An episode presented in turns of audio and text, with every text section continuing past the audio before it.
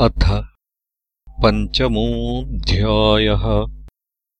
नारदव्याससंवादः। भगवद्गुणकर्मवर्णनस्य महत्त्वम्।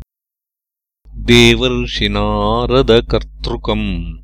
स्वकीयपूर्वजन्मवृत्तान्तकथनम् च।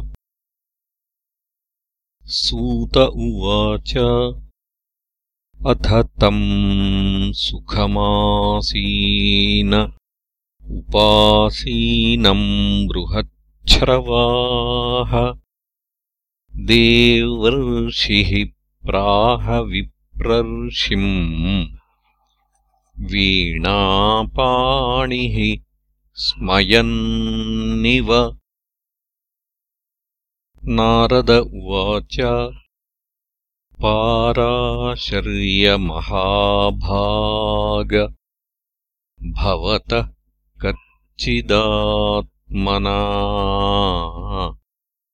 परितुष्यति शारीर आत्मा। मानस एव वा।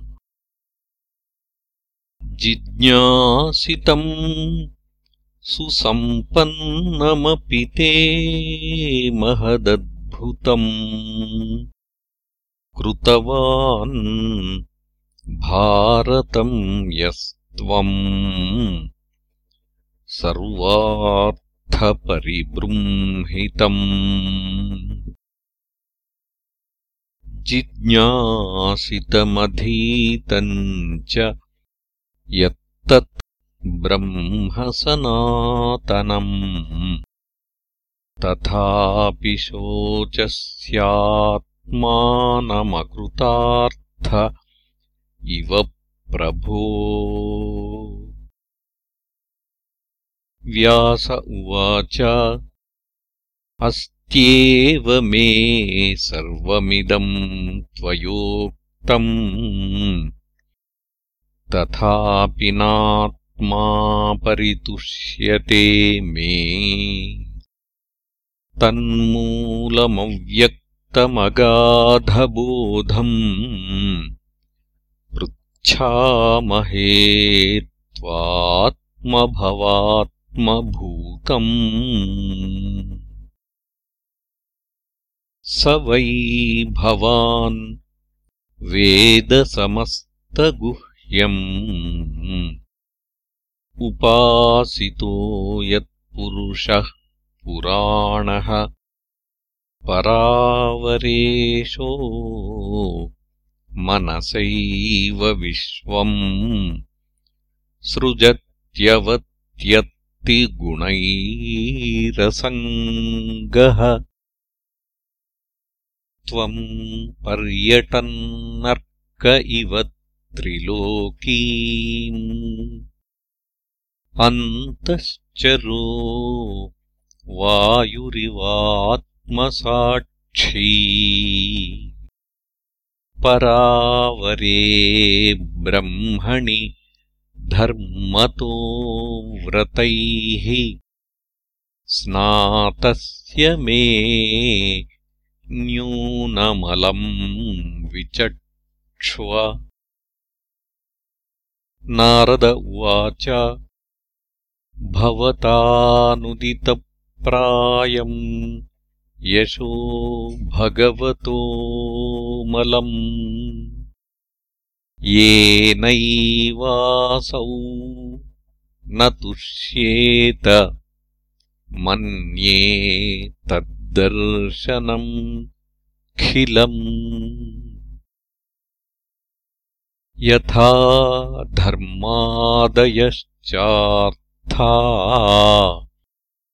मुनिवर्यानुकीर्तिताः न तथा वासुदेवस्य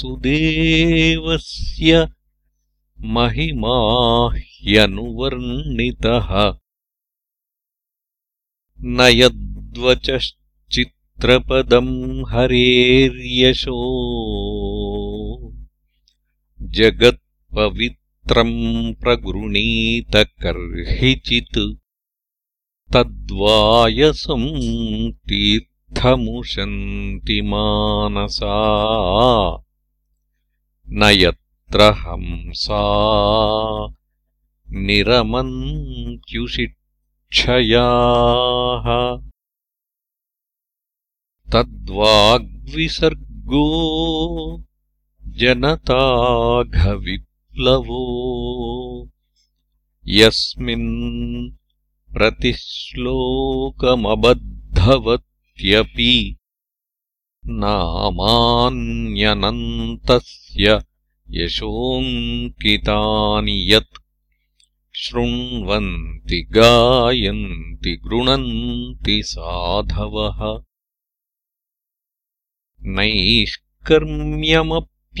नैष्कर्म्यमप्यच्युतभाववर्जितम् न शोभते।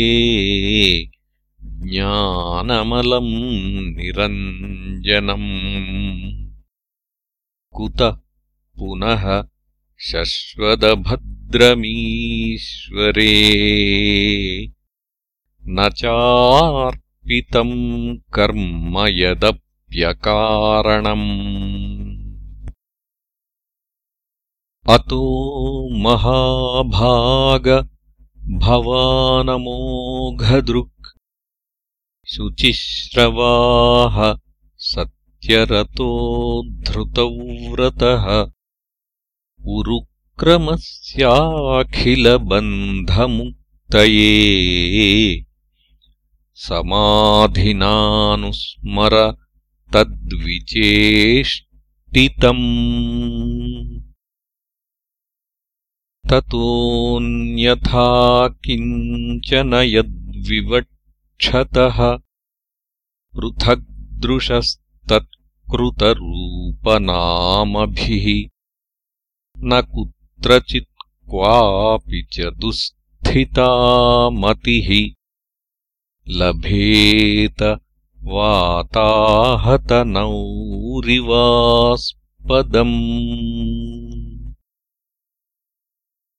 जुगुप्सितम् धर्मकृतेऽनुशासतः। स्वभावरक्तस्य महान् व्यतिक्रमः। यद्वाक्यतो धर्म इतीतरः स्थितो।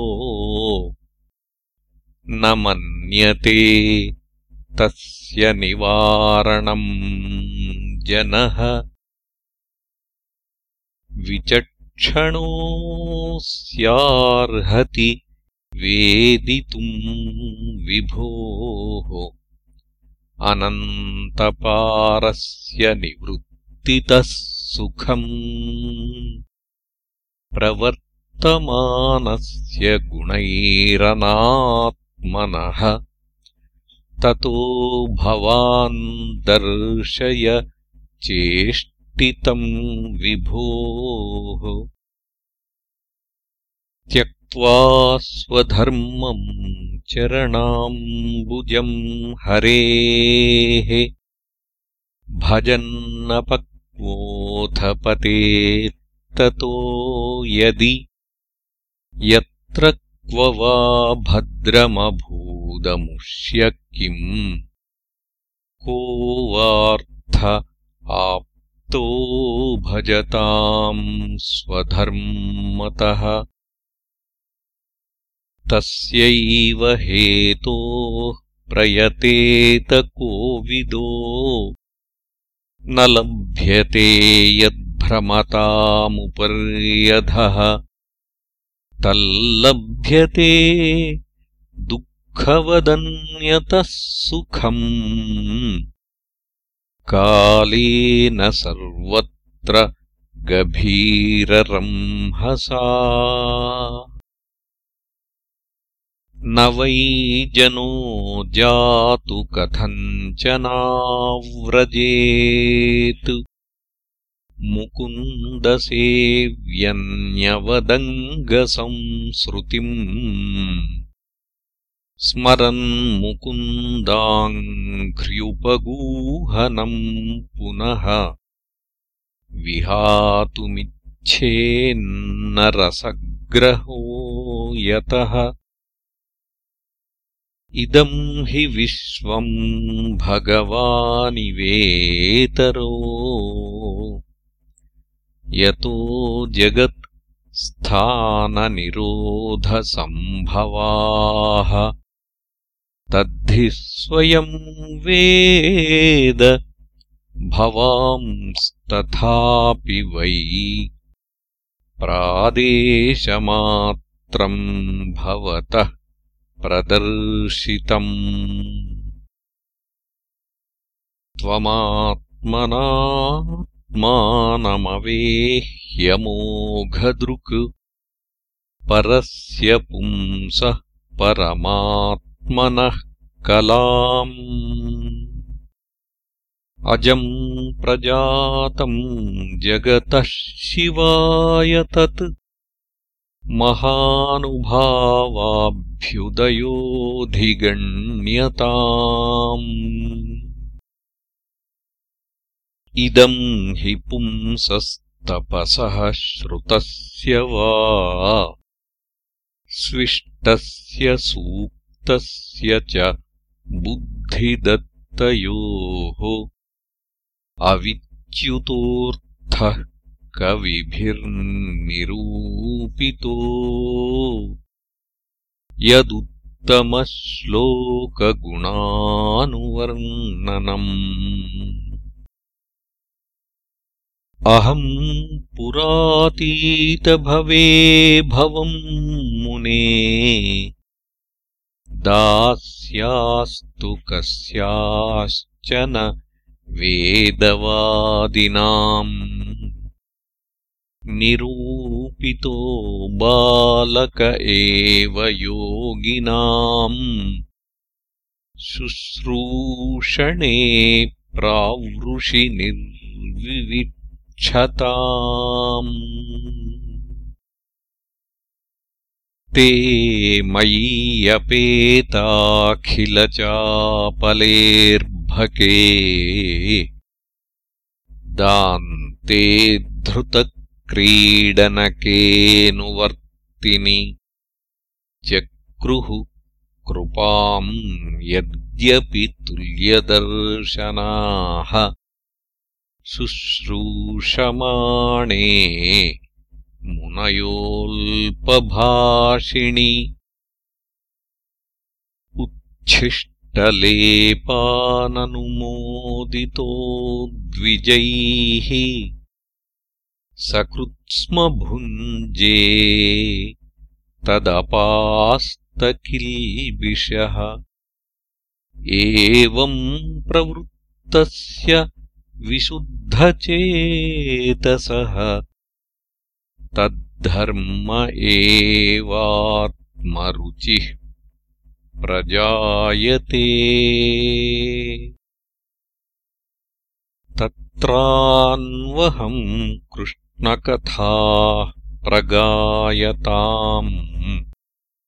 अनुग्रहेणाशृणवम् मनोहराः। ताः श्रद्धया मेनुपदम् विशृण्वतः प्रियश्रवस्यङ्ग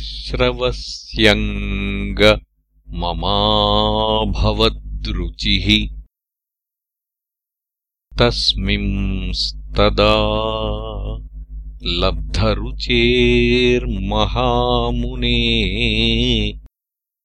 प्रियश्रवस्य स्खलिता मतिर्मम ययाहमेतत्सदसत्स्वमायया पश्ये मयि ब्रह्मणि कल्पितम् परे। इत्थम् शरत्प्रावृषिकावृतो हरेः विशृण्वतो मेनुसवम् यशोमलम्। सङ्कीर्त्यमानम् मुनिभिर्महात्मभिः। भक्तिः प्रवृत्तात्मरजस्तमोपहा तस्यैवम् मेनुरक्तस्य प्रश्रितस्य हतैनसः श्रद्दधानस्य बालस्य दान्तस्यानुचरस्य च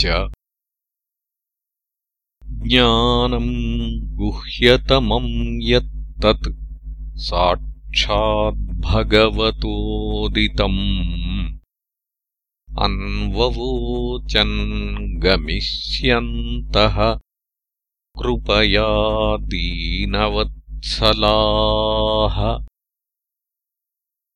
येनैवाहम् भगवतो वासुदेवस्य वेधसः।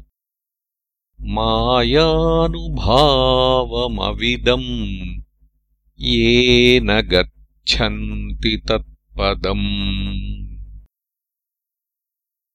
एतत् संसूचितम् ब्रह्मम् त्रयचिकित्सितम्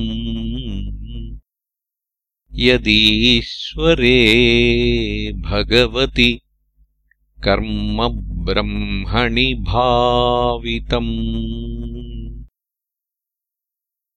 आमयो यश्च भूतानाम्। जायते येन सुव्रता तदेव ह्यामयम् द्रव्यम्। न पुनाति चिकित्सितम्। एवम् नॄणाम् क्रियायोगाः सर्वे संसृतिहेतवः त एवात्मविनाशाय कल्पन्ते कल्पिताः परे।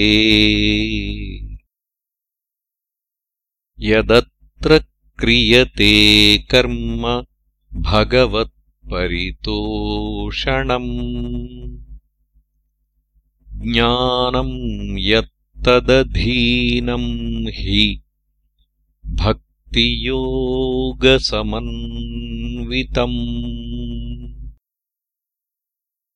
कुर्वाणा यत्र कर्माणि भगवच्छिक्षयासकृत्। गृणन्ति गुणनामानि कृष्णस्यानुस्मरन्ति च। नमो भगवते तुभ्यम् वासुदेवाय धीमहि।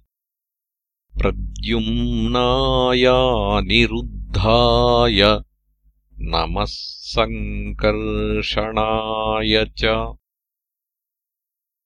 इति मूर्त्यभिधानेन मन्त्रमूर्तिममूर्तिकम् यजते यज्ञपुरुषम् स सम्यग्दर्शनः पुमान्।